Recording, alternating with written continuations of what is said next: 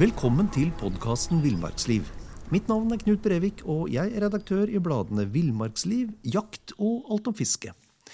I dag har jeg gleden av å snakke med Sven Jems, jeger, forfatter og samfunnsdebattant. Og kulturarbeider, får en nesten si, eh, Sven. Det tror jeg nok det er dekning for. Ja, for du har, eh, du har det man kaller for skriveklø, du. ja, kall det hva du vil, men eh, jeg har skrevet mye. Ja, det er riktig, det. Hvor mange bøker har det blitt, eh, Sven? Ja, akkurat nå står jeg foran eh, presentasjonen av den 33. som jeg har skrevet sjøl. Så har jeg jo vært medarbeider på 30-40 andre forskjellige slags bøker, da. Men, Ja. eh, men eh, det er jo ikke som jeg sier når jeg blir spurt om det, og alle disse bøkene, at det, det er jo ikke mengden av bøker som sier noe om deg, verken som forfatter eller noe annet. Det er jo hva det står i dem, om det er noe vet du. Ja, ja. Så du kan si jeg har brukt mye ord. Og, og, og- og det er interessant, det der. Altså, når, når fant du ut at det var på en måte av, av pennen du, du skulle leve? Fordi du har, jo, du har jo eh, jobbet som journalist eh, i en årrekke, blant annet. Ja, for eh, det er litt sånn spesiell historie, kanskje. For det, det var ikke sånn uten videre sagt, selv om det kanskje nok lå eh, litt i gener eh, at, det, at det skulle bli slik. Men etter befalsskolen så eh, jeg, Den gangen så var det jo eh, ekstra plikttjeneste som befal etter skolen, sånn at det da lå jeg nå på Haslemoen, og, og det var jo, Så sant du ikke var oppe på Hjerkinn, så var det ikke egentlig så morsomt. Og så var det noe å finne på noe spesielt, og så fikk jeg tak i eh, medlemskap i kor, eh, Korrespondanseakademiet, het det. Og der fikk jeg av alle ting gamle Carl Just, som var sjef, eh, rektor på Journalistakademiet, som, som sensor på brevene mine. Så jeg tok altså kurs i journalistikk.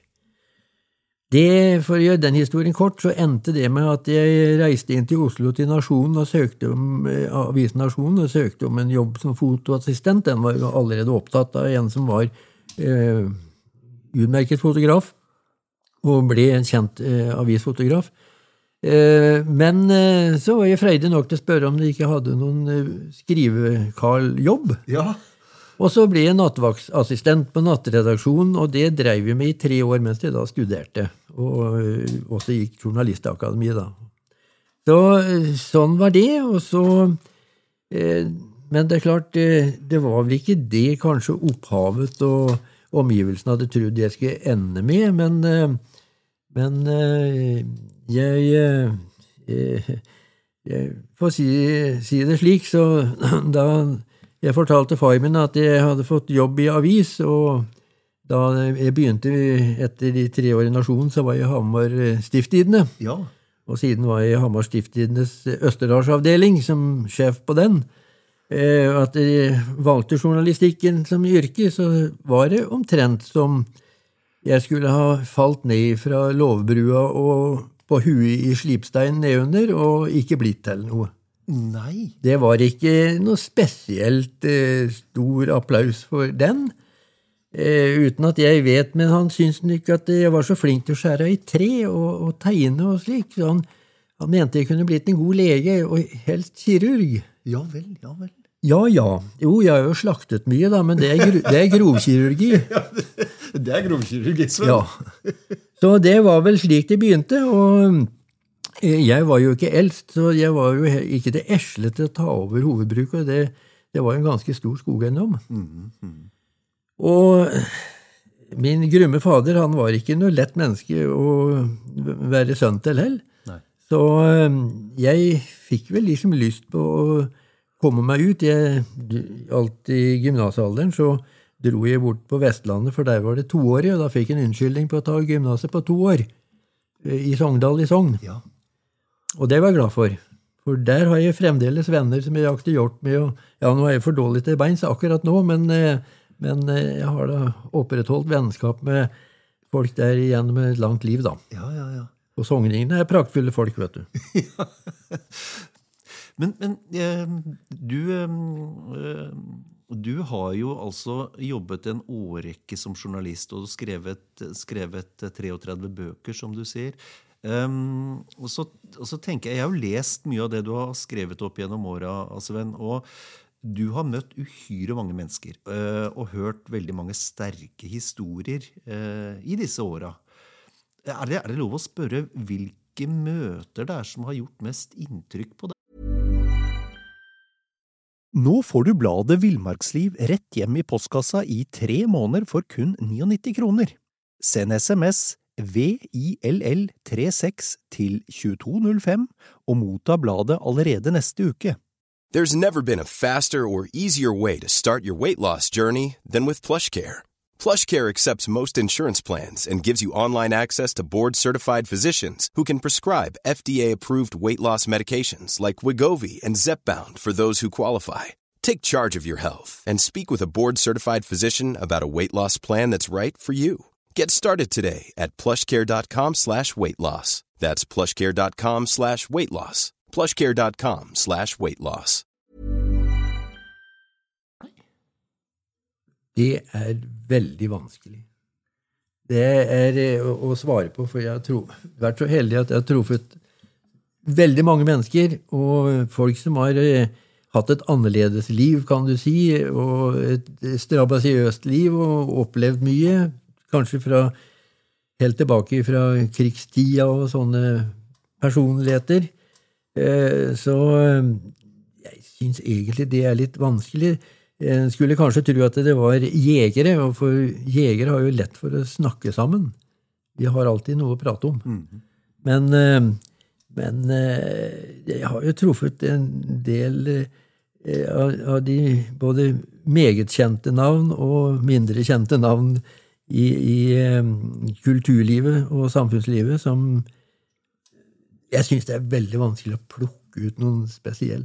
Mm. Men jeg husker Jeg har jobbet Du antydet kulturarbeider. Jeg var med og har jobbet i årevis for den skogsfinske kulturen.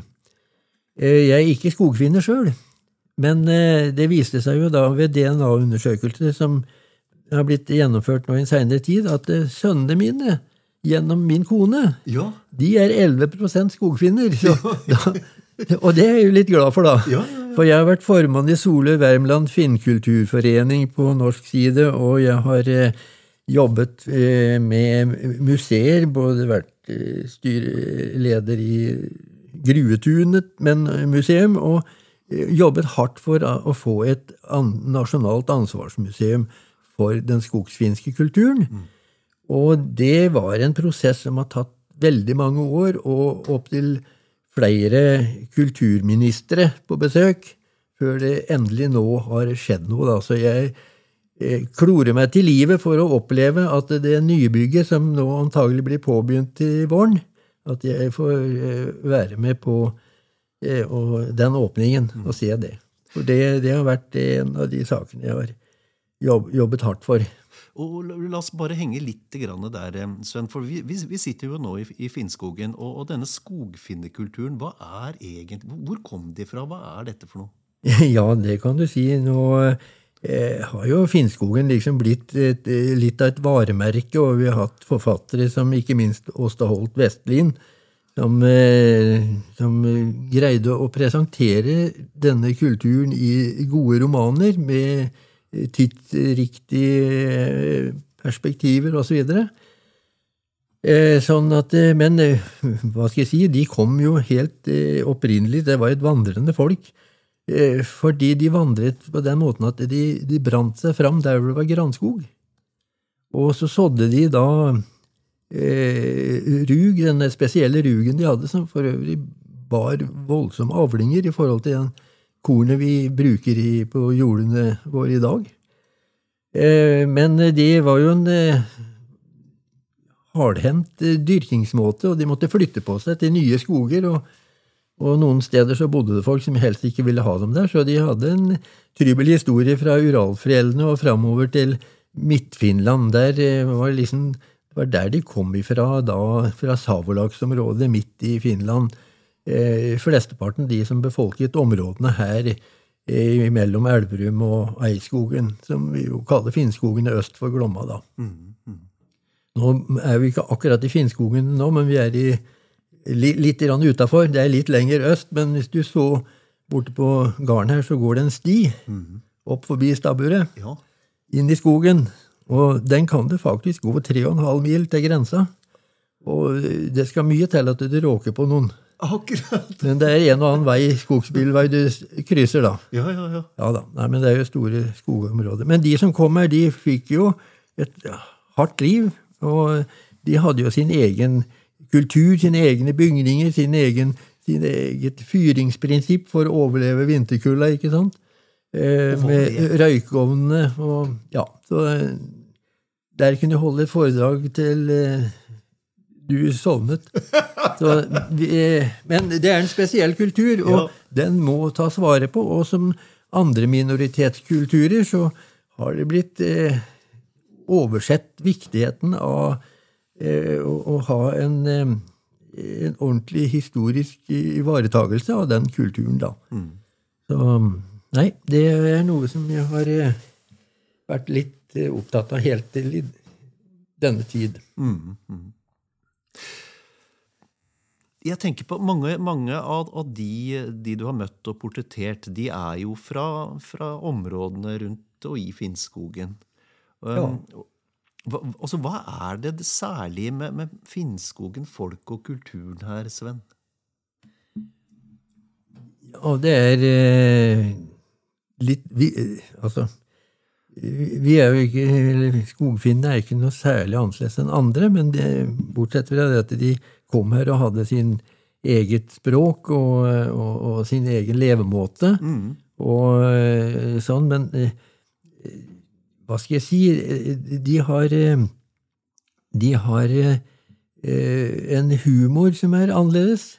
For hvis jeg skal si noe særpreg ellers så, Mellom oss mennesker så er det jo slik at det, som skiller oss, om vi nå er ifra Afrika eller hvor vi måtte være ifra, det er jo stort sett mengden av pigment. Ellers så, så er vi mennesker alle sammen. Eh, men, eh, så jeg kunne snakke om mange, men jeg var inne på den her museumsjobbingen. Der eh, snakket jeg med en kar som var skogsarbeider. Eh, han hadde nok vært litt ute i, i verden. Han hadde kjørt eh, tømmer og hest nede i Hurdalen og vært utafor fjøsdøra, for å si det sånn. Og han hadde en god sangstemme, så jeg, jeg, jeg hadde hørt om den derre karen. Eh, han eh, han eh, Så sa jeg til ham Jeg prata om jeg skulle lage et intervju, men at det var Hva syns du om tanken om at vi skal få et eget museum, for, et ordentlig museum for den skogfinske kulturen? Ja.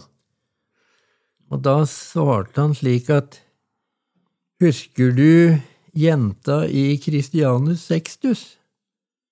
Hun som la heller over fotefar at eh, far sin da han var død? Og det er for det som et eh, museum er.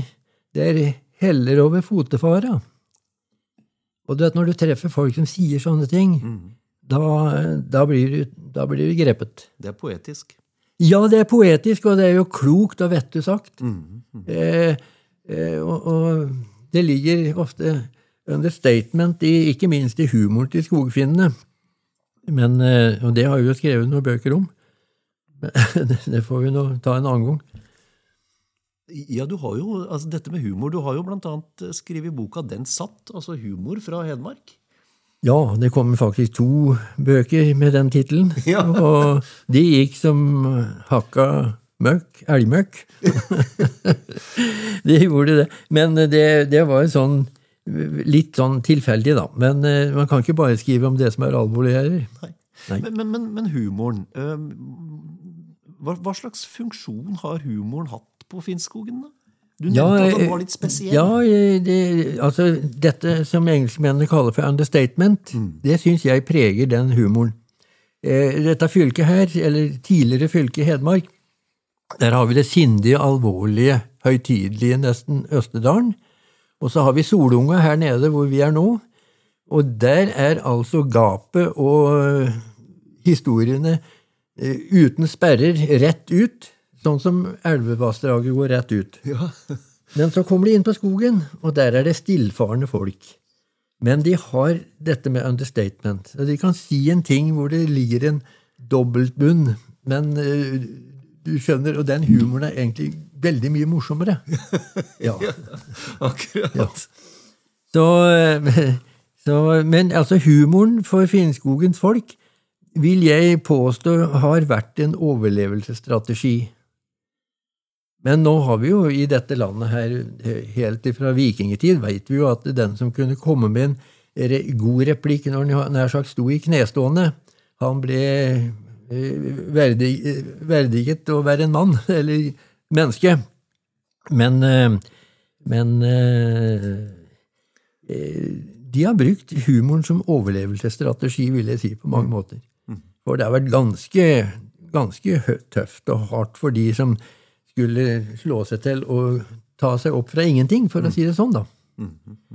Men det som også er interessant med Finnskogen og folket som kommer, det er jo at eh, i denne tid som vi lever nå, hvor det er krig og elendighet snart alle stand, så kom dette folket som snakket et uforståelig språk. De kom jo, Finland hørte jo under Sverige på den tiden, på 1500- og 1600-tallet, og så kom de til Sverige, og så kom jo, bredde seg jo østover og like inn i Norge, da. Eh, så eh, de hadde et, eh, et mye strevsommere liv, og det de De eide jo ikke eiendom til å begynne med, da, men etter hvert så skjedde jo det herover traktene at det ankerske fideikommiss, før de gikk over ende etter napoleonskrigene, så, så hadde jo de ervervet veldig store deler av skogene her. Eh, og etter konkursen, eh, så rundt 1822, så kom eh, mye av denne skogen på salg. Og da fikk også skogfiendene anledning til å kjøpe eiendom. Så det var enkelte som våget, og, eller hadde vært så flinke å eh, ordne seg, at eh, de fikk kjøpt sin egen skog. Og noen eiendommer var jo oppe i 30 000 mål, men kanskje de fikk kjøpt en par tusen mål eller noe sånt noe til brukene sine, da. Ja. Så, så det var en, en, en god prosess, mm. tross alt i kjølvannet av det ankerske fideikommisset gikk over ende. Akkurat. Eh, Bare for å ta det med en gang. eh, Etter å ha skrevet så mye, både i kraft av journalist og, og, og bøkene du har skrevet, og også alle, alle, tillitsvervene du har hatt, eh, Sven, hva vil du si er, er drivkraften din? Det var nå også et spørsmål, men eh, ja, jeg tror nok det at eh, vi i denne familien, eller slekten, jeg er av, eh, i hvert fall eh, en spesiell gren kanskje, er eh, Vi vil gjerne få gjort noe, og da tyr man jo til en organisasjon, hvis det er noe man Sånn at jeg har familie familie, nålevende også, som har høye verv innen Norges Bondelag, og jeg har og, og, og i Norges Skogeierforbund, ikke sant, hatt for, levde verv der, på toppen. Og det er, eh, det er eh, Det er jo litt dette her at eh, man finner saker som Eller blir henvendt om saker, så vil man jo gjerne engasjere seg og være med. Og så er det vel det overalt, dette her, det spørsmålet du stilte, så er det vel at vi har jo bare fått ett liv. Mm. Og å sitte borti vinduskarmen og glana ut, det er jo et dårlig liv, uansett om du er jeger eller hva du måtte være. Og har du, har du, får du så lite ut av det, så er det nesten sørgelig. Så jeg vet ikke om det var noe godt svar, men Du har i hvert fall fylt tida di, Sven. ja, det tror jeg nok at jeg kan si. Jo da. Og du har jo nå nevøen din, er jo Knut Arne, er jo eh, Ja da, i- der er vi tilbake til dette her. Men altså, han, Knut Arne er jo da leder i Norges jeger- og fiskerforbund. Og sjøl så satt jeg i forbundsstyret i noen perioder og var leder av forbundets viltstellutvalg, for jeg er jo utdannet som viltmester, som det heter, borte i Sverige i sin tid. For øvrig da en vei jeg valgte, for jeg var tilbudt muligheten til å bli redaktør i Jakt, fiske og friluftsliv-bladet. Ja, ja, ja. var Knut Rom og andre generalsekretæren, de ivret for at jeg skulle søke meg på den ene elevplassen som var der, for det var jo ingen andre eh, lignende institusjoner, og slett ikke her i Norge. Nei. Det var Kælø da i Danmark, men det var liksom så fremmedartet eh, forvaltnings... eller viltmessig, så Og så etter å da ha hatt eh, eh, noen år i Elverum, som ble veldig viktig tid for meg for øvrig, når jeg kom dit. For da kom jeg under vingene av eh, gode kolleger, sånn som Riise og Dagfinn Grønnose, og inn i en eh, gjeng eller en samling mennesker, kjente mennesker, som en Kjell Aukrust, Vidar Sandbekk og andre som var i en vennekrets, og som jeg fikk lov å tre inn i, og etter hvert ble en del av, som gjorde ganske mye for en ung mann i holdning til både det ene og det andre i, i, i det livet vi har fått. Akkurat. Ja, så, Men så brøt jeg over tvert likevel, fordi jeg fikk den studieplassen som flere søkte opp på, borte på Østermalma. Og eh, da eh, Ja, jeg valgte en. Da mitt faderlige opphav, han eh, syntes at det der var ikke det dummeste jeg hadde tenkt på når jeg først drev eh, som journalist, og du hadde drevet en god del år. Fordi at det hadde jo liksom noe med noe fornuftig å gjøre. Det hadde noe med jakt å gjøre. Ja.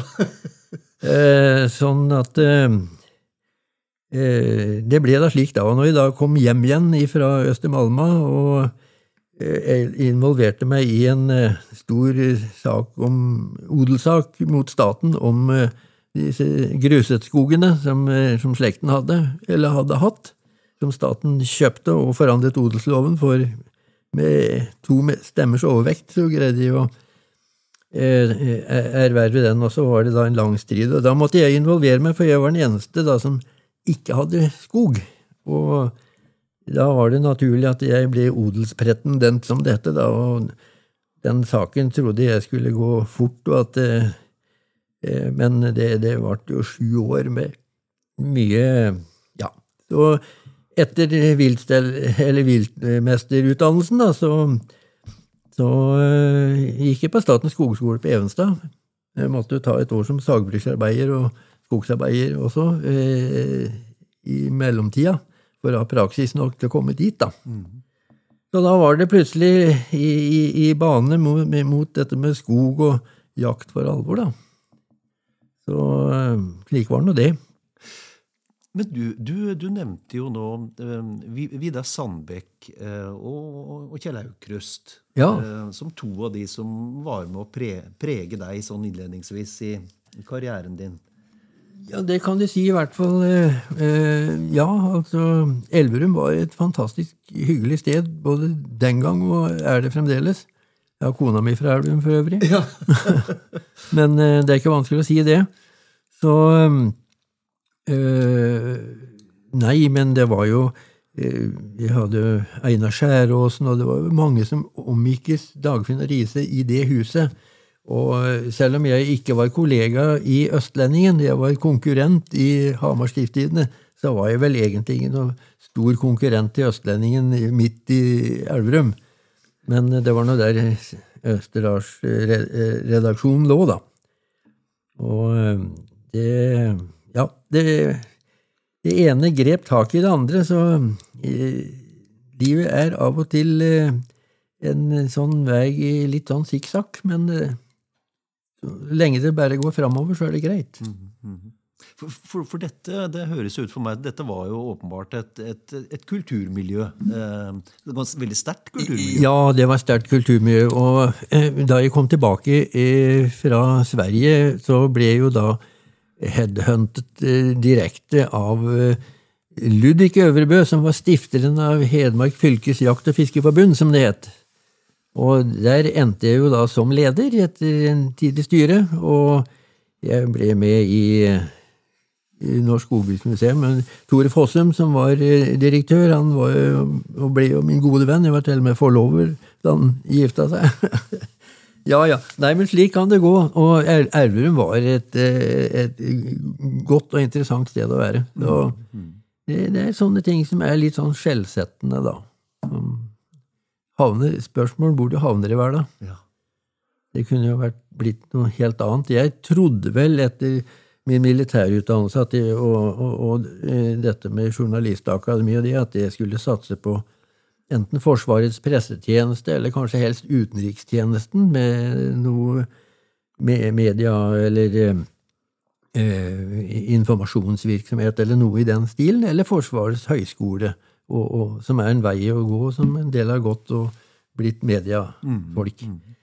Men så ble det som sagt den her eh, skogsaken, denne rettssaken mot staten, og den løsningen den ble jo slik at eh, 22 av eh, jordbrukerne her i Grue fikk tilleggsskog fra en 1000 mål til 4000 mål hver av den skogen. De måtte kjøpe den, selvfølgelig, men av staten. Nettopp. Og det gjorde jo jeg også. Jeg også ble skogeier, da. Ja. da kjøpte jeg tilbake en del av denne slektsskogen. Akkurat.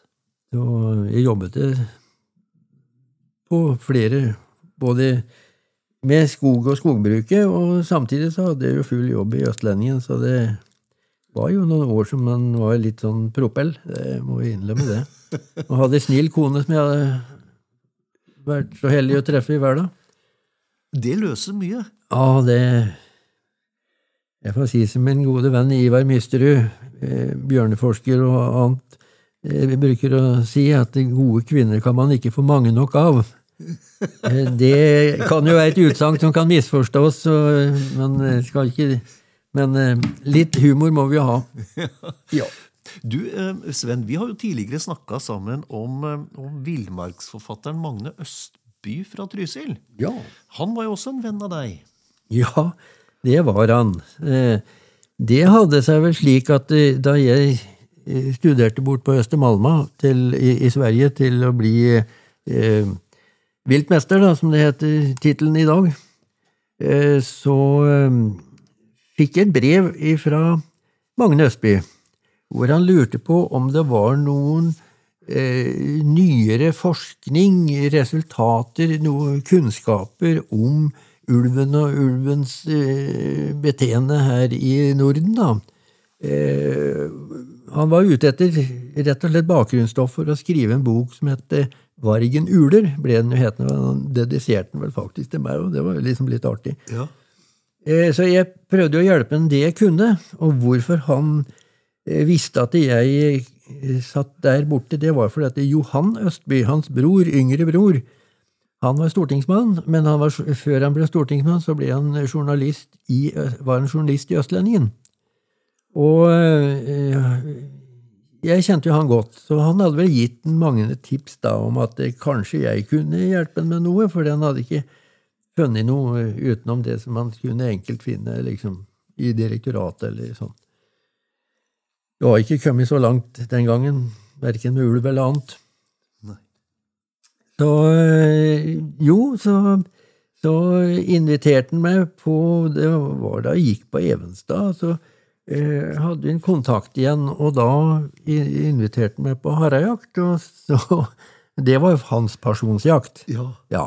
Så eh, det var der det liksom der det startet. Så da var jeg borte hos han, og han drev jo et uh, bureisingsbruk oppe i, fjellvannet. og eh, Han var en forholdsvis puslete liten kar av kroppsstørrelse, men han var jo en, en maur til arbeid, da. Og hadde jo fått til et veldig fint bruk, da. Og eh, ja, så han eh, Han eh, Ja, det er mange måter om man blir venn med folk, men eh, det skjedde vel det at eh, jeg ble jo invitert eh, med på, på, på en harejakt bare for at vi skulle prate litt om jakt og likt, da. ja. Og så var det vel sommeren etter, så slo lynet ned på garnet hans, eh, bruket hans, og harehunden hans den gikk da i jernlenke i løpestreng ute på garden. Så den lå stein daud, den stakkaren. Ja, fikk seg en skrell av lynet som slo ned akkurat ved uthuset der. Og da eh, kjøpte en valp på den, Ja vel. og dro dit med eh, Som ble døpt da, for svenska. Det var ei tispe. Eh, eh, og eh, det ble en god hund, da. Ja. For han, så det var jeg, var jeg veldig glad for. Så ble jeg kjent med broren hans, Jon, borte i Drevdalen. Og så et, et terreng som Fridtjof Nansen faktisk hadde hatt eh, og leid en gang. Eh, Den gamle bua som han lå i, den eh, lå i ganske mange år, da. For da var det rypejakta der. Da hadde vi rypejakta, og det var et stort terreng. og jeg hadde da med meg venner som også hadde hunder, så vi hadde, var bra utstyrt med fuglehunder. Og det er jo også en jakt som jeg Jeg savner den i dag, for å si det sånn. For nå springer jeg ikke så mye på fjellet, veit du. Men eh, det Nei, jeg har jo egentlig jaktet på alt som er Jeg bruker å si alt som er lovlig vilt. Ja. Og det La oss snakke litt eh, jakt, Sven. Eh, Ja, la oss snakke litt jakt. Ja. Når, når begynte du å jakte? Ja, det var slik at eh, jeg brukte briller, for de oppdaga at jeg var nærsynt. Og jeg var attpåtil satt lengst bak i klassen på barneskolen, så så, så jeg ikke det som sto på tavla. Da, da var jeg nærsynt, og eh, da sa han far det at nei, men eh, det, det var eh, det var yngstemann, min broder, kjære broder Ulf, som for øvrig nå er et par og åtti år gammel. Eh, Det er han som eh, han tenkte at det kunne være greit å lære lært opp til skyting og jakt. Og han ble jo også en både god jeger og skytter enn broder Ulf. Ja. I, absolutt. Eh, Så eh, Nei, så jeg eh, med brillene mine Jeg fant jo ut på at jeg skulle løpe orientering og drive med terrengløp, ja. ja vel. Og det Jeg ble vel sånn en middelhavsfarer, men jeg, jeg kom att med en liten pokal som var høy som halve fingerhøyden, ikke sant? Ja. Og var litt stolt over det. Hadde tilbakelagt eh, 12-15 km mellom poster i en eller annen bygd i området. Eh, og så kom bror min hjem igjen med et, eh, et staup da, som var eh, 30 cm høyt, ikke sant? Og hadde bare løgget på magen på skytterbanen og, og skutt i. Ja. Men eh, jeg var i hvert fall ikke den som var utvalgt til å bli jeger og skytter. Men så hadde det seg slik ja, Dette er en lang historie, men du får jo bare kaste bort det du vil. Eh, Jeg hadde en, eh, en gutt i klassen eh, som hadde fått ei salongrifle av en eh, kamerat, eller en, en, en gammel onkel, var det. Og han hadde for sikkerhets skyld, sånn at det ikke skulle bli noe innsigelse mot dette våpenet, det var da en hanahagle. Nei, hagle, ha, hana eh, med, med, Sånn eh, Salong? salong, ja. 22. eh, Med sånn sekskantet løp og slik. Langt spetakkel. Eh, Og den, eh, den hadde han da slått en sten i, for at ikke gutten skulle finne på å bruke den, men han, min eh, klassekamerat Odd, han hadde ingen interesse for jakt og skyting overhodet. Så mot 30 detektivmagasiner og 15 kroner, så ble børsa mi.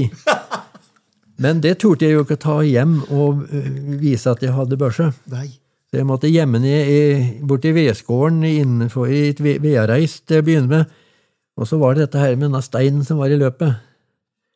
Men så da gubben var borte på Finnskogen, eh, så tok jeg sykkelen og skjervet eh, børsa på stanga og syklet ned i smia på, til Fredboen. Jens Fredbo, dobbel skytterkonge, 47 og 48, ikke sant? Og Og Gammelfredboen, faras legende i skyttermiljøet. Ja, ja. Og jeg kom der med denne her salongrefla og sa det er en stein i løpet på den. Jens, ropte Gammelfredboen, kast fra deg det du driver med, og hjelp smågutten her. og eh, jeg fikk den hjelp, altså de drillet ut denne her steinen av løpet, og da var jeg bevæpnet. Og det første jeg, de jeg begynte å jakte med, det var to eldre brødre, ja, for meg var de jo voksne og gamle, eh, oppe i området her, og, som eh, Eivind og Oddvar Skasberg het disse brødrene. Så jeg begynte å blære med, med de, da. Og da gikk jeg skogleis herifra fire-fem kilometer eh, på Grusetskogen, som tilhørte egentlig da min grandonkel, da, som eide den før staten bemektiget seg, for å si det sånn. Og eh, da gikk jeg til disse her kara og var med de og jaktet, og det var sikkert ulovlig mye det, de stellene vi var på jakt, for det var jo store områder hvor det ikke var folk, for å si det sånn, eller i hvert fall ikke noe fælt. Da var det ved et tilfelle at eh, Det tror jeg skriver om i en av bøkene mine, en av disse jaktbøkene, eh, at eh, en av karene var litt uheldig, for vi brukte salongrefle. Det smalt ikke så fælt av det. Nei. Når vi var liksom i, på rådyrjakt i, nede i bygdeområdet. Han hadde da skutt på et rådyr, og den hoppet over skiggeren og ble eh, svakere og svakere i beinet og kom seg utover på et jorde, og der ble den liggende. Og så var det folk på bruket eh, hvor han slett ikke hadde noe å gjøre, eller vi hadde noe å gjøre. Eh, sånn at det var ingen som torde å gå fram og hente det der dyret som da avled utpå der, rett og slett. Salongbørs var jo ikke all verden å jakte med. Og eh, da var jeg minst og liten, så jeg krøp da i en plogfåre utover på pløksla eh, og fikk tak i bakbeinet på henne og dro meg baklengs tilbake i skogen, mens to mann dreiv borte på tunet der og slakta en gris. Og jeg hørte, var så nære at jeg hørte skrapinga av grisebusten til slakterne. En var jo opptatt med å tømme på kokende vann, og den andre drev og skrapa. Ja, ja. Da hadde de sett bare litt til side, så hadde de jo sett at det var noe rart på på jordet. Men jeg greide det der, og det var visst et eller annet ugreie der som med disse folka som jeg var i hop med, da. Sånn at eh, de var ikke lystne på å vise seg fram. Nettopp. Nei. Og da, fra den tid, da jeg berget bukken, for å si det slik, da var jeg medlem av eh, laget når jeg fikk greie på når de skulle jakte. Og det var stort. Jeg begynte på, på egen hånd, for å si det rett og slett. Ja, ja, ja. Og jeg husker den der salongbørsa. Jeg, eh, jeg, skulle til eh, disse herre kara som jeg nevnte, Kasper, som het, og um, mor deres, hun var blitt blind. Og så husker jeg at jeg gikk uh, østover og nordover herifra da, med salongbørsa mi og lykkelig eier av ti patroner eller noe slikt noe. Så kom vi ned noe som heter Sormslia, og stoppet opp. Der syntes jeg hørte at det var noen som drev og høgg ved. Den gangen høgg jo folk mye ved i skogene. Jeg hørte et par steder at det var øksehugg, men samtidig, da jeg stoppet opp, så fikk jeg se en tiur som gikk i blåbærlyngen. Og jeg så sånn skallen og halsen på denne store fuglen, og det var ikke mer enn 10-15 meter unna. Og den forsvant bak ei stor gran, men så da den kom fram igjen, da var børsa til aksla. Og så så jo ikke så mye mer enn annet, så jeg sikta akkurat under dette her røde kammen hans. Og da ble det forferdelig rabalder. Eh, det ble jo da for dette, Han slo jo voldsomt i venga og stell, da. Men eh, det var ingen som oppdaga tjuvjegeren, men det var en som ropte nede i høgginga at hva var det det small? Og jeg hørte ikke det, jeg, en annen. Da, da lå jeg der og tviholdt på tiuren, jeg, da, som gjorde sine siste kramper. Så den hadde jeg med da til Karas gamle mor, og da husker jeg hun satt, hun som var blind, og strøk den der fuglen. Da sa hun det er lenge siden jeg har sett en fjørhane, sa hun, eller hatt en fjørhane. Men kommer du til neste helg, så skal jeg steike den åt deg, så skal vi ha søndagsmiddag. Ja da, Så da var de liksom med på det laget, da, kan du si. Ja, Det, jeg snakket ikke så mye om det med far. Han drev jo med sitt og, langt øst på Finnskogen og ville jo helst holdt på å si, være der. og sånn, så, så, Jeg tror ikke de egentlig liksom skjønte at jeg hadde begynt med dette her. Eh, første viltet mitt eh, var nok også når det gjaldt eh, det viltet jeg syns er nesten mest artig og spennende og vakkert, det rådyret. Ja. Det hadde jo begynt å komme her da på Det var jo veldig sjelden på 1950-tallet. Ja. Men eh, jeg drev og løp orientering, og sånn, så var jeg ute og trente om kvelden og bare sprang i terrenget. Og eh, så sprang jeg gjennom et nedlagt hjem i nærheten her, og der så jeg disse rådyra, eh, eh, geit og en bukk, eh, gang på gang. Eh, og så var det et forfalt eh, tømmerhus som det bare sto igjen fire-fem tømmerverv på, som jeg da gjemte meg i en tidlig morgen og knepte denne boken. Men så var det dette her med hva Jeg kunne ikke komme med en hemma til, da. Jeg måtte jo gi bort eh, kjøttet, men skallen den måtte jeg ta reie på. Men jeg visste jo ikke hvordan jeg skulle gjøre det. Nei.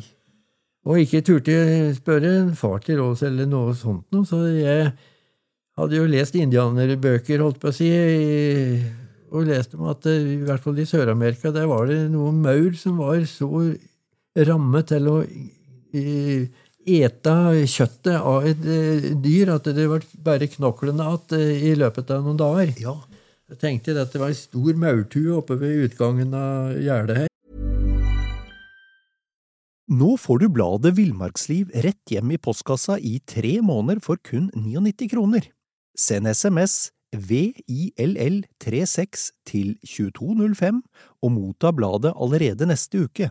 Planning for your next trip? Elevate your travel style with Quince. Quince has all the jet setting essentials you'll want for your next getaway, like European linen, premium luggage options, buttery soft Italian leather bags, and so much more. And it's all priced at 50 to 80% less than similar brands. Plus, Quince only works with factories that use safe and ethical manufacturing practices. Pack your bags with high-quality essentials you'll be wearing for vacations to come with Quince. Go to quince.com slash trip for free shipping and 365-day returns. Så jeg grov den inn der og tenkte jeg får mauren gjøre resten. Ja. Og det er litt rar historie. Du kan få se trofeet inne, for det, det fant jeg at det da Hvor mange år kunne det bli? 60 år etterpå, i hvert fall. Nei! Jeg trodde at en far hadde funnet det, eller at reven hadde funnet det. For dette grov det bare liksom nedi. Men du vet, maurene, de har De, de jobber, de. Og gjennom årene så hadde dette blitt jobbet over. Så var det dessverre måtte ta en, uh, en hund som uh, Det er jo noe av det triste du må gjøre noen gang når den blir utgammal og for at de ikke skal lide sine siste dager. Så jeg eh, skulle grave ned Jeg har en gravplass oppe ved, ved, ved gjerdet, ved, ved grinda der oppe. For det alltid når vi skulle ut av skogs, da var jo hundene som lykkeligst, ikke sant? Det var der de, Så der ligger det ti-tolv av dem med lita plate, faktisk, med navn og slekt. For det, det syns jeg de hadde vært verdt etter eh, mange år sammen, da. Mm. Og det er eh, Så Så, så øh, skulle jeg da grave men så var det frøsig. Det var jo steina hardt, vet du, så jeg sto ned der og skulle gjøre et, et høl og grave den her hunden ned. Og det jeg var ja, Nei, det, jeg, jeg fikk ikke opp noe høl, så jeg tenkte hva gjør jeg egentlig da? Ja. Men så tenkte jeg det er maurtue. Maurtua der borte, den gamle, store maurtua. Ja. Den hadde jo da begynt å fallere på toppen, da, så jeg, vet, jeg husker ikke helt, men i hvert fall nedi ei maurtue så er det kanskje mulighet til å, å grave. ja. Så jeg gau på maurtua, jeg, med hakke og, og, og, og spade, for å få et høl. Og hva kom jeg til med det første jeg gjorde, når jeg hadde kommet litt nedi? Med spadebladet, dessverre, så kløvde jeg litt oppi i skolten på, på kraniet på, på, på bukken. Ja. Men der lå den. Så den har jeg på veggen. Ja, det var eh, ulovlig vilt, men eh, altså, den gang så var det ingen som spurte så mye om verken det ene eller det andre. Den blei din, og til slutt blei Den ble til min til slutt. altså. Den- Den som var mest forbauset, det var jo egentlig meg, da, at den skulle finnes igjen. Det hadde jeg aldri trodd. Men, eh, men altså eh, rådyrjakta, som er din favorittjakt. Det er, det er egentlig litt uh, vanskelig å si, for dette, jeg syns all jakt er interessant. Det, det er så interessant som det gjør den. Ja. Ja, og hvis det, hvis det bare er det at du skal skyte noe, så, så ja, ja, vel bekomme. Det, det, det, er ikke det som er det interessante, men det, det kan være interessant bare å jakte kråker, for å si det sånn. Mm. det, alt begynner med noe. Ja. ja. Så Nei, men eh, jo, jeg har Jeg må vel si at det er et vilt, for det, det er så flott et vilt, syns jeg, rådyra.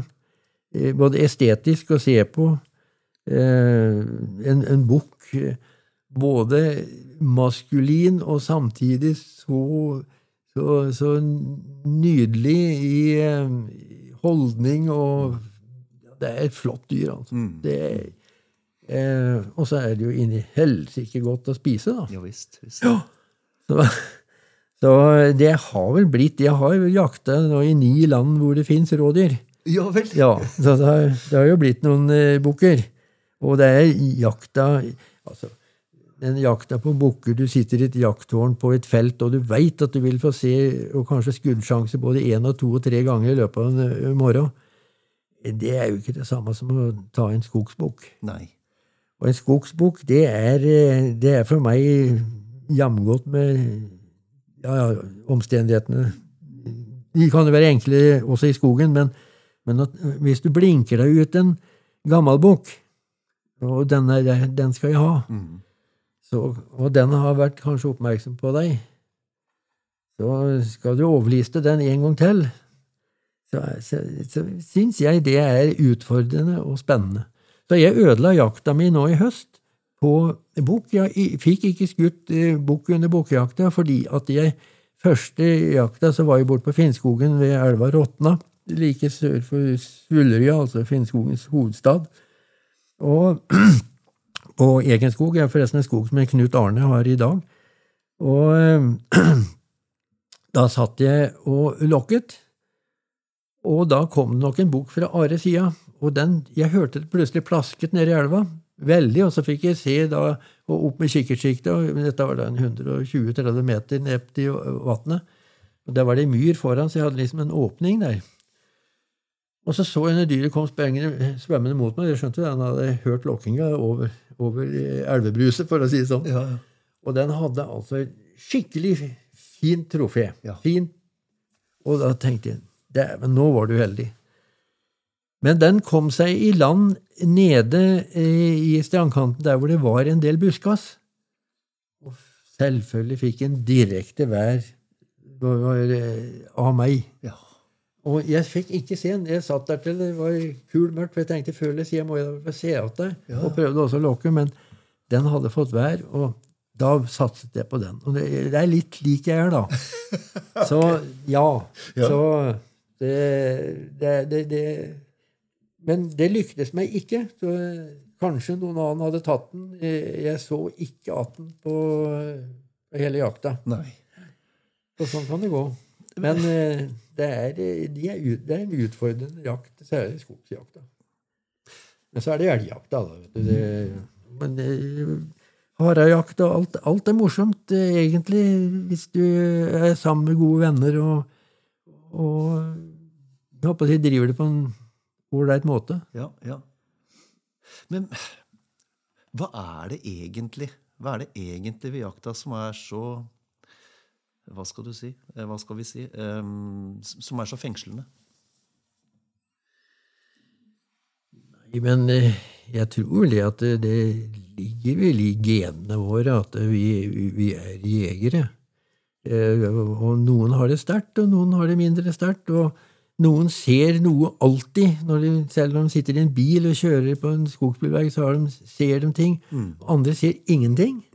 Og, og, jeg tror, tror, det er et godt bilde på hvordan vi egentlig er. Og den som da virkelig har det som franskmennene så fint kaller le sacre feu, den hellige ild, eh, den eh, den, den blir grepet av, av jakten. og Eh, hvis du da dyrker jakten til eh, eh, ja, Gjør det litt mer elevert og interessant, og, og, setter deg inn og lærer mer om både dyret og jaktformen, og dette baller på seg gjennom årene. Mm. Og der sitter du og er sjeleglad for at du blir jeger.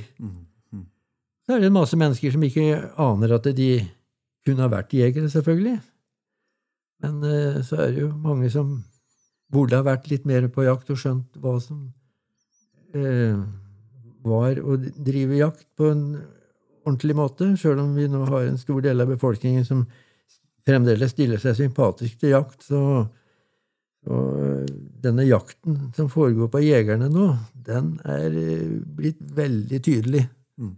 Og hva tenker du på da, Sven? Da tenker jeg på eh, Ikke minst på organisasjoner som jobber nær sagt for å få fredet alt mulig ifra jakt.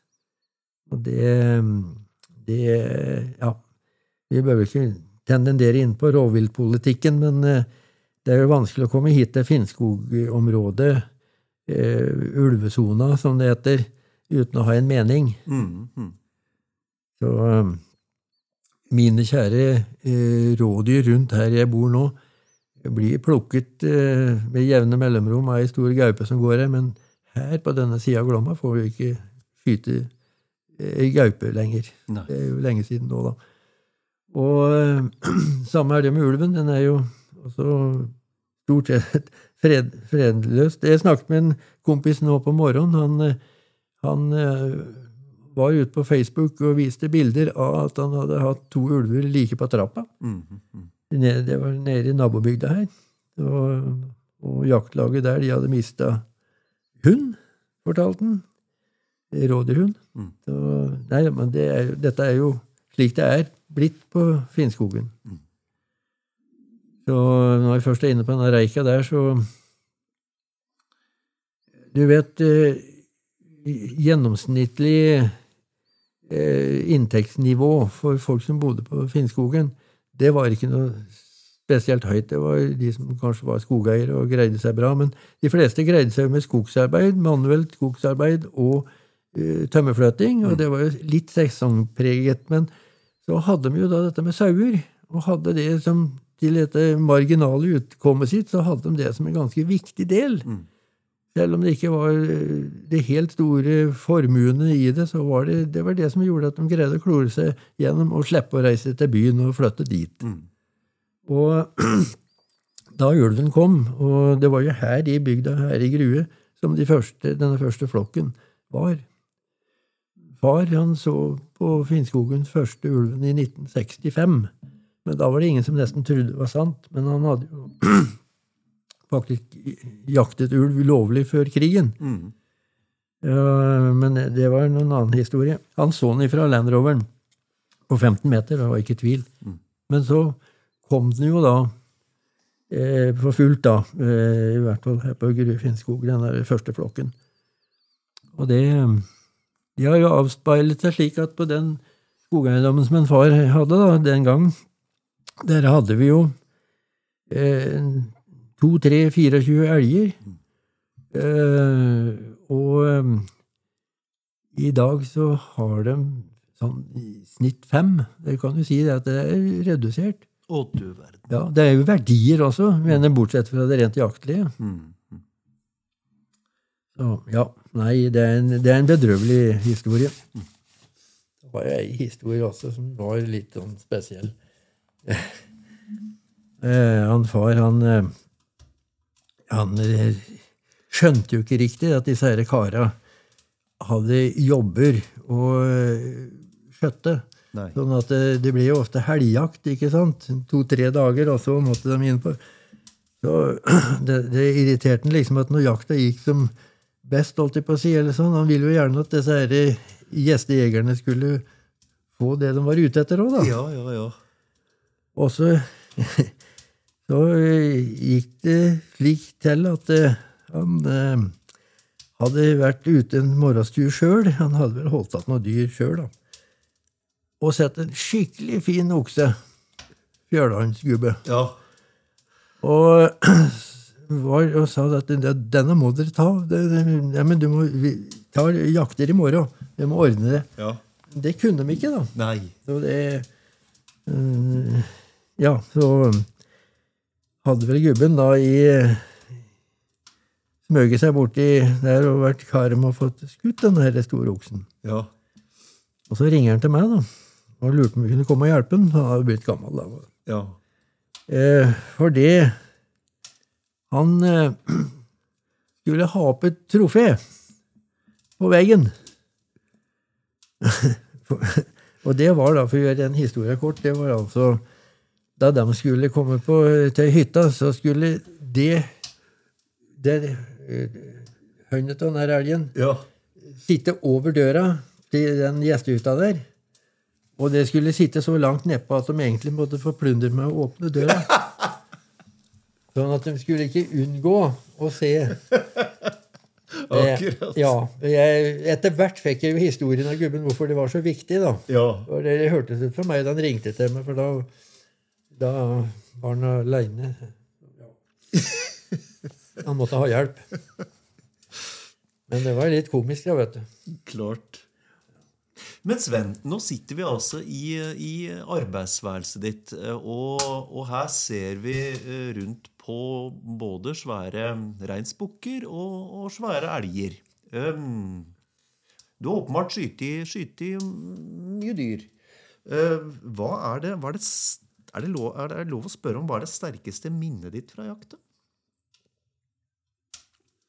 Ja, du, nå, jeg tenkte på en egentlig en spesiell jakt. altså, Vet, Når du har drevet på med dette her i jakte intenst i mer enn halvt hundre år, så er det, er det jo mange, da. Ja. Det er jo vanskelig å plukke ut, egentlig. Men eh, jeg var inne på Finnskogen på, på den eiendommen som jeg fikk kjøpt. Det var et sånt sameie som jeg fikk kjøpt ut. Eh, familie som eide den. Og så eh, som, og Jeg har jaktet mye sjøl, da. Og jeg har jo driver med ledehundjakt, og det, det har jo vært favorittjakten min. da. Ja, ja, ja. Ja. Jeg har gjerne hatt med meg én som har sittet på en dødspost, og så har jeg gått og smøket sjøl. Og øh, ehm, akkurat det der minnet du, som jeg kom med nå, da, det var siste dagen det var elgjakt på svenskesida. Det var da like før jul. Jeg tror det var 16. eller 18. desember, eller noe slikt. Så var det slutt på jakta før jul. Og jeg hadde hatt et dyr, et voksent dyr. Og det, det var på en tid det, på den skogen så hadde du opptil, opp på det mest gale så var det fire voksne og fire kalver. Så det var jo noe å jakte på, da. Men jeg hadde hatt ett dyr, og jeg hadde hatt med noen venner, og vi hadde prøvd på eh, en lørdag, og det siste jaktdagen tror jeg var en søndag. Og så eh, dreiv hun på til det var seint, og så var det fordi det var helg og du, du ble i hvert fall reist i hui og hast, sånn at det, jeg hadde igjen å låse og ordne opp eh, eh, med ting og eh, pusse børser og låse våpenskap, si. Nei, men liksom alle sånne praktiske ting som vi måtte gjøre på hytta der. Og Så jeg reiste dit, og da eneste jeg hadde med meg da, det var eh, eh, det var en, eh, en en kombinasjonsbørse. Det var en, eh, en drilling med 6,5. Og eh, så eh, tok jeg med meg den da du først reiser til skogs igjen. Så eh, på den her siste dagen eh, så var det dumt hvis du liksom skulle se et eller annet. Men så så jeg en flokk med årfugl som eh, satt og beitet i noen bjørker, eh, og jeg fikk smøge meg til en knapt 100 meter. og eh, sto i en sånn granholme og skjøt over ei lita gruppe opp mot eh, disse her bjørkene. Og det var en som satt helt blank. altså Den trillet da ned i skøttet. Og, og da jeg da går over den gruppa, og så kommer jeg til å se opp, så får jeg se et helvete av en elg. Ja, du ser den på uthuset, hvis du la merke til det på, på tømmerstua der. Den så jeg. Ja. Den sprang oppover bratteste berget. Jeg hadde hatt voldsom eh, ødeleggelse på skogen av toppbrekk den vinteren, så det var en stor gruppe, og der for oppover. Det var i 88, det, da. Måtte bli. Ja. Der for den opp, og så sto den der og svingte den svære krona. Den hadde den ikke mistet ennå, og det er jo gjerne de største som mister det høna først. Ja, ja. Der sto han og svingte seg, og så tenkte jeg hva, hva gjør jeg nå aleine? Hva gjør jeg nå? Hvor, hvor er denne? Så jeg tok meg tilbake til hytta. Der hadde jeg eh, noen eh, flere skudd. Eh, så jeg hadde en tre-fire patroner i lomma til, til rifleløpet. Og så var det å gå oppover etter en nedsnødd bilvei så fort jeg kunne. Oppover eh, For det hadde kommet snø, da. Og, og, og gikk inn på noe som jeg kaller bakdørsmyra, og satte meg der. For det, derom skal liksom skar disse elga veldig lett. Særlig Ja, det, de fleste som kjenner terreng, vet at det er noen sånne steder hvor det, hvor det er fengt å sitte. Dette var jo Du snakker om skudd i blinde. Eller i Ja, det var jo helt sjøvilt, egentlig. Men eh, svett og fæl kom jeg dit opp, og det å sette seg da i atskillige kuldegrader Og det ble, det ble, litt kaldere utover uh, Og så ble det snerpskara. Så satt de og tenkte nei, først så slet jeg meg opp på berget her og inn på myra her. Dette var det, det, det var atskillig Det var borti et par kilometer som jeg sprang oppover før jeg kom dit. Og dette, da tenkte jeg du er støllet òg, da. For dette her kan jo gå i alle retninger. Ja. Eller han har lagt seg oppå der. Hva vet jeg?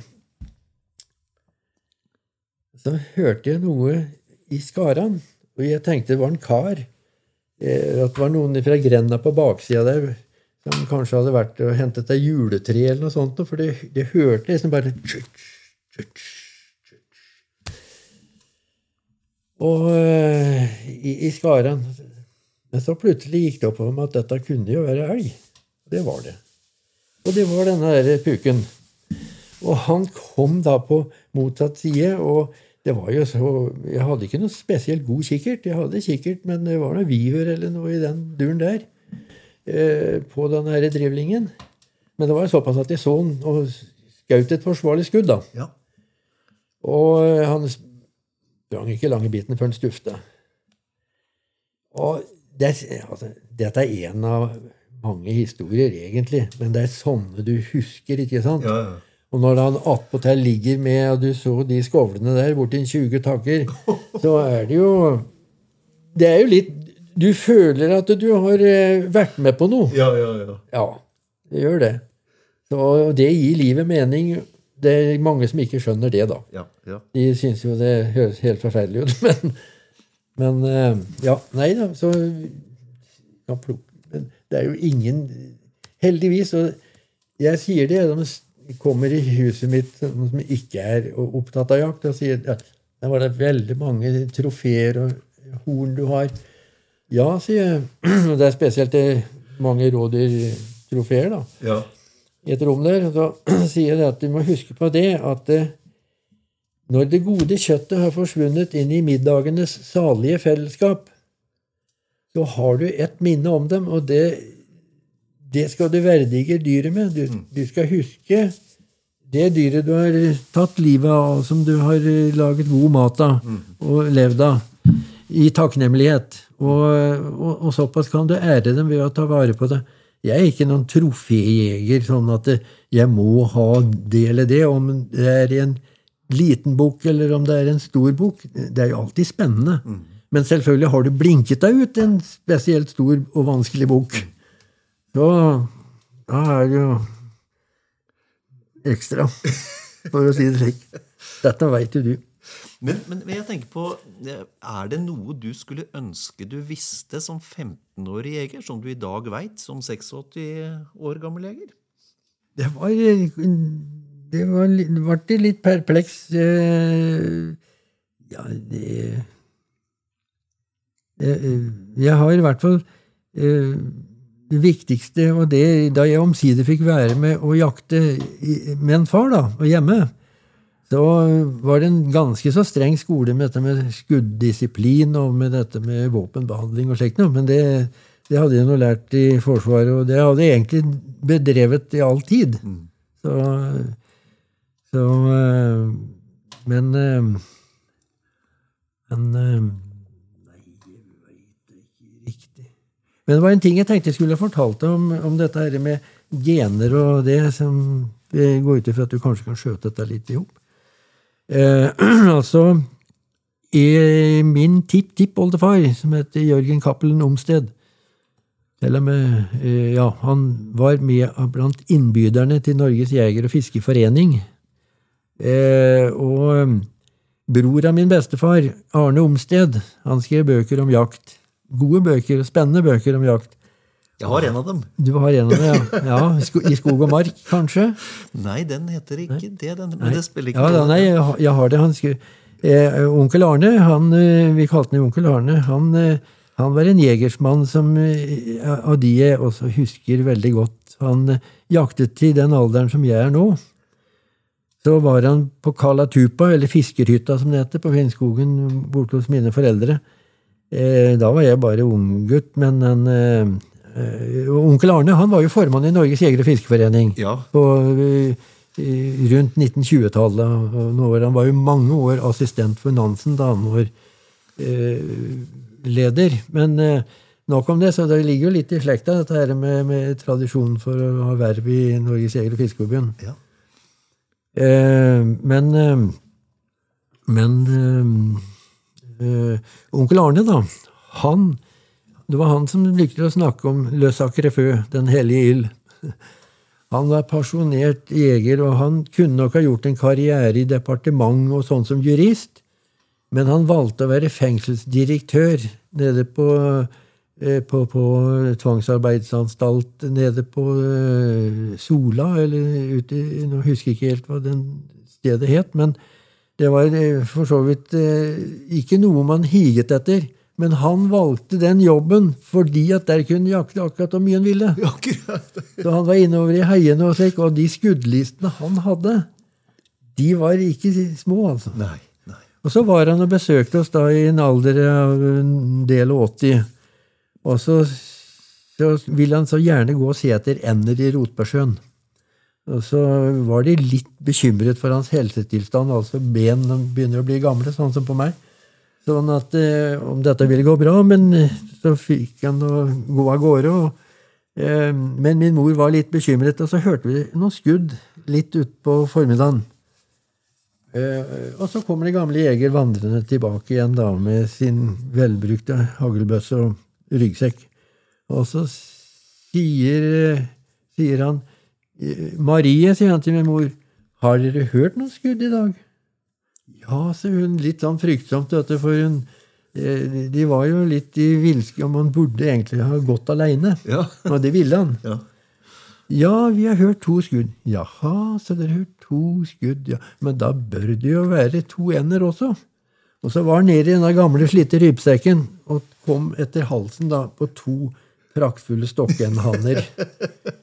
Det hadde de hadde tatt i duble. ja vel. Og ja, det er sånn som Men det forteller litt om, eh, om eh, hvordan det, Hvor viktig jakten er for noen, og, og som, som holder deg glad og ung Mm, mm. på mange måter. Ja.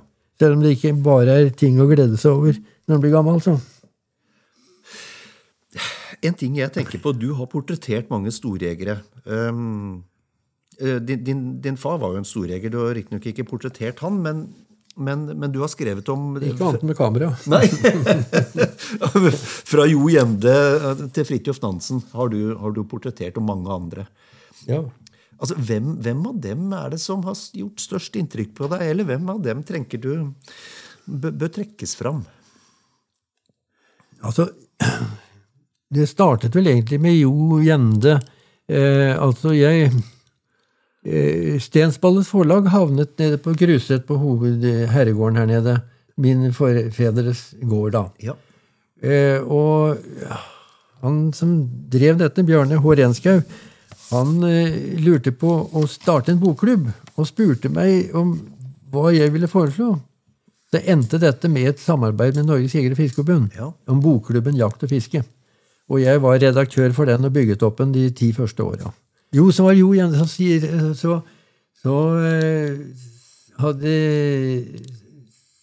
så hadde jeg skrevet bok, eh, begynt på en bok om Jo Gjende og samlet stoff om, en, om hva denne nasjonale jegerskikkelsen vår eh, hva det var for slags menneske, og hva som var sant, og hva som var usant.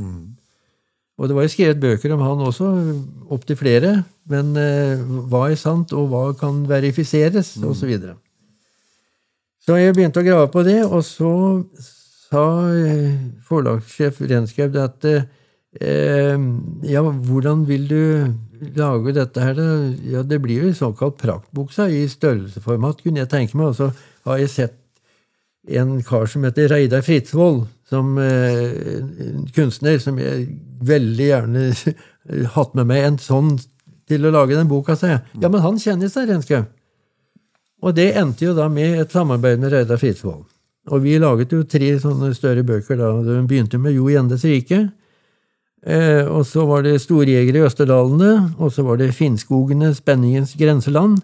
Og da hadde vi vært liksom unnom fjelljakten og bygdejakten osv. Og, så videre, og så skulle vi lage en fjerde bok i denne kvartetten om herregårdsjakten i Norge, var arbeidstittelen. Og vi begynte ned på Rød herregård ved Halden, ja. Og eh, var i full gang med den. Og så sier da min venn Reidar «Eh, Du, jeg tror du må få med deg en uh, fotograf videre her på dette. Og jeg ble jo liksom paff, for vi var jo så nære og gode venner. Det var en tiårsperiode vi samarbeidet veldig tett. Reiste og opplevde alle disse stedene som han fikk være med, ja, ja. Og, og, oppleve det på sitt vis. Og leverte jo fantastiske illustrasjoner. Eh, og da sa jeg ja, men eh, hva mener du med det? Nei, jeg har fått strupekreft. Jeg sa. Da døde den bare etter noen måneder. Så den boka ligger det, Den haugen du ser med bøker på det langbordet der, ja. det er råstoff og kildestoff til den boka. Akkurat. Og jeg hadde jo kommet ganske langt i veien med den, men det ble til at jeg droppet det prosjektet. Det er bittert, egentlig, for det, det var et interessant tema. Mm. Mm. Altså over de stedene som man også har kontinental påvirkning osv. Mm. Og jeg hadde jo gjennom det internasjonale jaktrådet CIC, i den norske delegasjonen, som jeg da var medlem på grunn av at de satt i forbundsledelsen, så ble jeg jo kjent med Åge Treskov og eh, på Fritzehus. Og gjennom han og andre så ble jeg jo kjent med mennesker som hadde adgang eller kunne fortelle noe om det miljøet, eller som var midt oppi det. Mm. Sånn at eh, jeg hadde veldig gode muligheter til å lage noe som kunne vært litt interessant. da, om, om nettopp det med kontinentale skikkelser, med, med det de kalte da herregårdsjakt. Så det, den boka ble det ikke noe av, og det, det, det smerter meg litt. Men slik er det. Men Jo Gjende-boka ble noe av? Jo Gjende-boka ble det av. Og Jo Gjende det, ja, det var jo litt rart å komme opp i Vågå, og, og de så med litt skepsis at det kom det enda en uh, skrivefant og skulle skrive om en Jo Gjende. Ja, ja, ja. Men etter hvert så Ja, jeg kom jo til auksjonsprotokollen fra dødsbo hans Jo, og liksom alt mulig jeg greide å grave opp som andre ikke hadde. Og nå, da de skjønte Jeg ble kompis med formannen i, i historielaget der oppe, Erland Grev, og så var det han som var uh, uh, herresagronom, og no, noen som var ble veldig interessert i dette her, og, og syntes dette var litt artig. da, De skjønte at jeg virkelig mente noe med det, og at det var ikke for å gjøre noe kommersielt lettvint noe. For det var gjort nær sagt før. Det var en stygt sak, kanskje, men, men i hvert fall så så det var, det, det var, For det tok jo noen år. Mm. Så, men den kom jo da til eh, minne 200-årsminnet, da. Mm. Så, nei, så det Av alle, alle bøker sånn, så, og alle jegerskikkelser, så fordi han var den han var. Og, men altså, de oppdaget også rare ting underveis. at Vi ser at verden forandrer seg rundt oss hele tiden. Og det selv vi som Eller kanskje gjerne vi som er ute mye i skog og mark. Eksempelvis da jeg kom igjen fra Østermalma, så så jeg de første hettemåkene her. Det ble ei plage i alle vann og, og Så gikk det 30 år, og så var de plutselig borte. Og siden jeg har jo ikke sett dem herover. altså det, det er alltid endringer og skiftinger i naturen. Men så satt de en gang ved den bua han hadde, som han jo hadde bygd på Lom-sida. Og det var han ikke klar over at grensa gikk der, så det var en annen ting.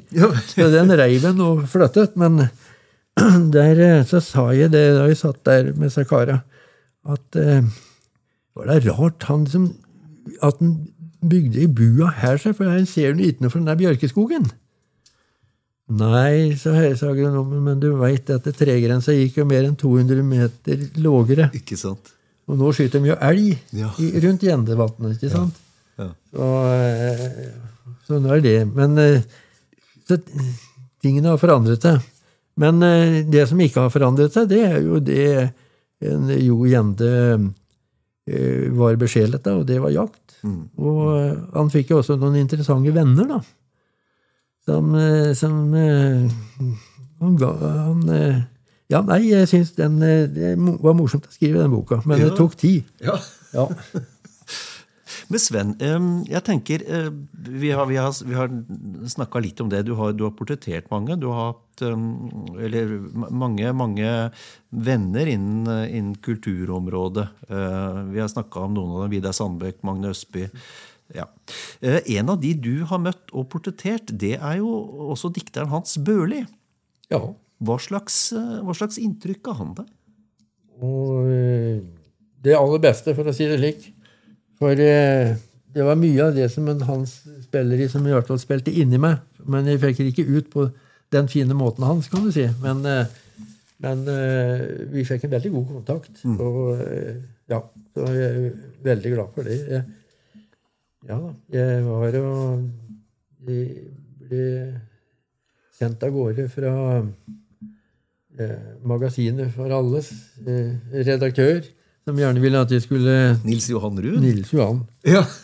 Og, eh, med ørretsommer og rypehøst eh, og all mulig annen ting. Og Nils Johan Ruud hadde jeg vel kommet i kontakt med da jeg gikk på Journalistakademiet. Nok om det han eh, fikk meg til å reise til den hans på 50-årsdagen. Og så var det vel eller foran 50-årsdagen. Og etter det så var vi vel får vi si venner. For jeg sprang ikke dørene ned i Eidskogen hver dag, men når jeg kom der, så var jeg velkommen. Ja da. Nei, altså, jeg også og datteren og jeg har jo brukt stoff blant annet eh, på Jeg har jo drevet med eh, Vi har noe som heter Halsbåndet, som jeg var med å starte på. Vi har jo laget noen CD-er, og, og en CD heter Ødetorp. og det er da diktere fra Hans Børli i sør og til Dag Grønås i nord, altså Finnskogene Ja, ja, ja. diktere, som, eh, som da har laget, eller satt eh, toner til. da. ja. Enten satt toner til, eller eh, resiterer det med musikk, da. Ja. ja. Så halsbåndet er fremdeles i live, men eh, jeg var jo vokalist der i, i nesten 20 år. Men nå er jeg bare og går og hører på dem, for de er, de er flinke. Ja, ja, ja. Du har jo også skrevet, eh, skrevet uh, diktbøker. To? Om Eh, Du har også skrevet diktbøker. Ja, ja, ja, ja, ja, ja. Lyrikk, ja. Lyrikk, ja. ja. Ja, jeg har jo det.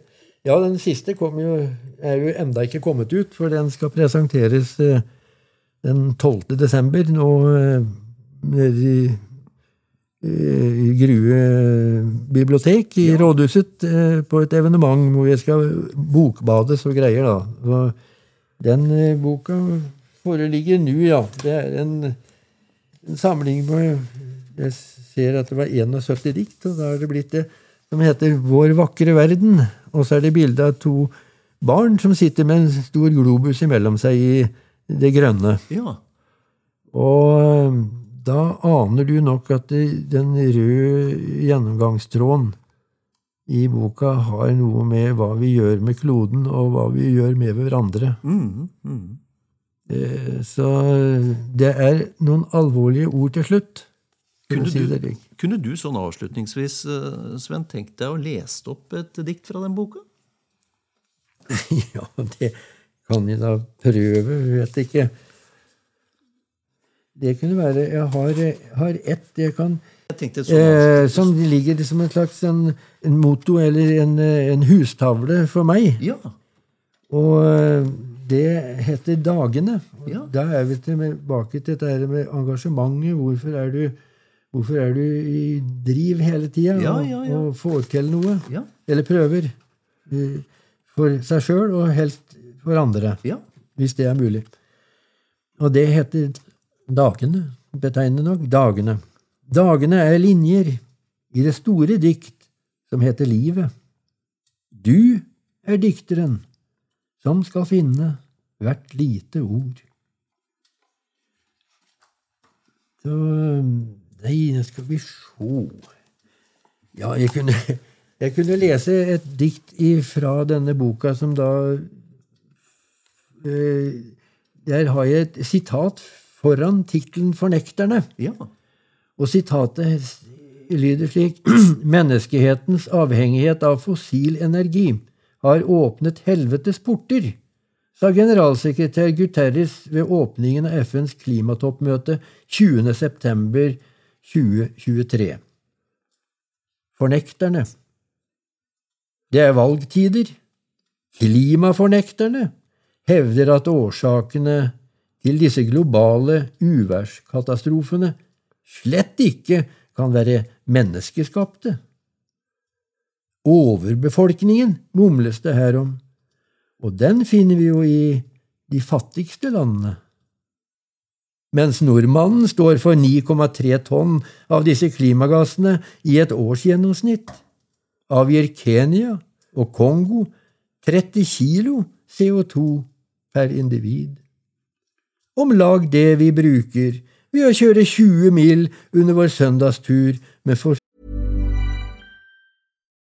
Nå får du bladet Villmarksliv rett hjem i postkassa i tre måneder for kun 99 kroner.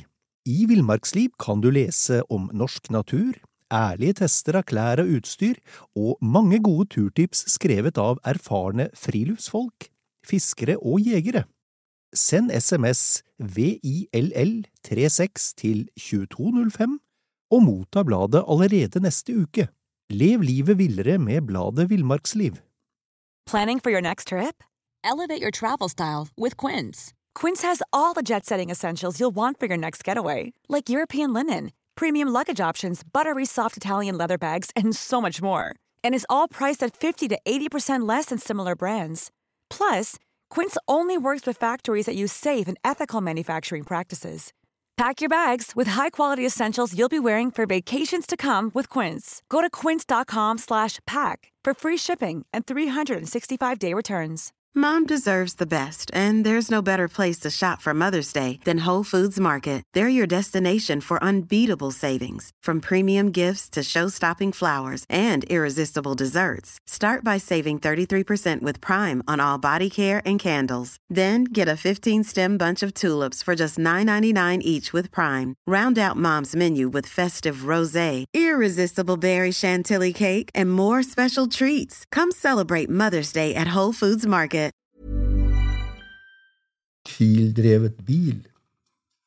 Det er verdens rike land som utvilsomt gir mest til klodens klimakrise, og som derfor plikter å redusere sine forbruk.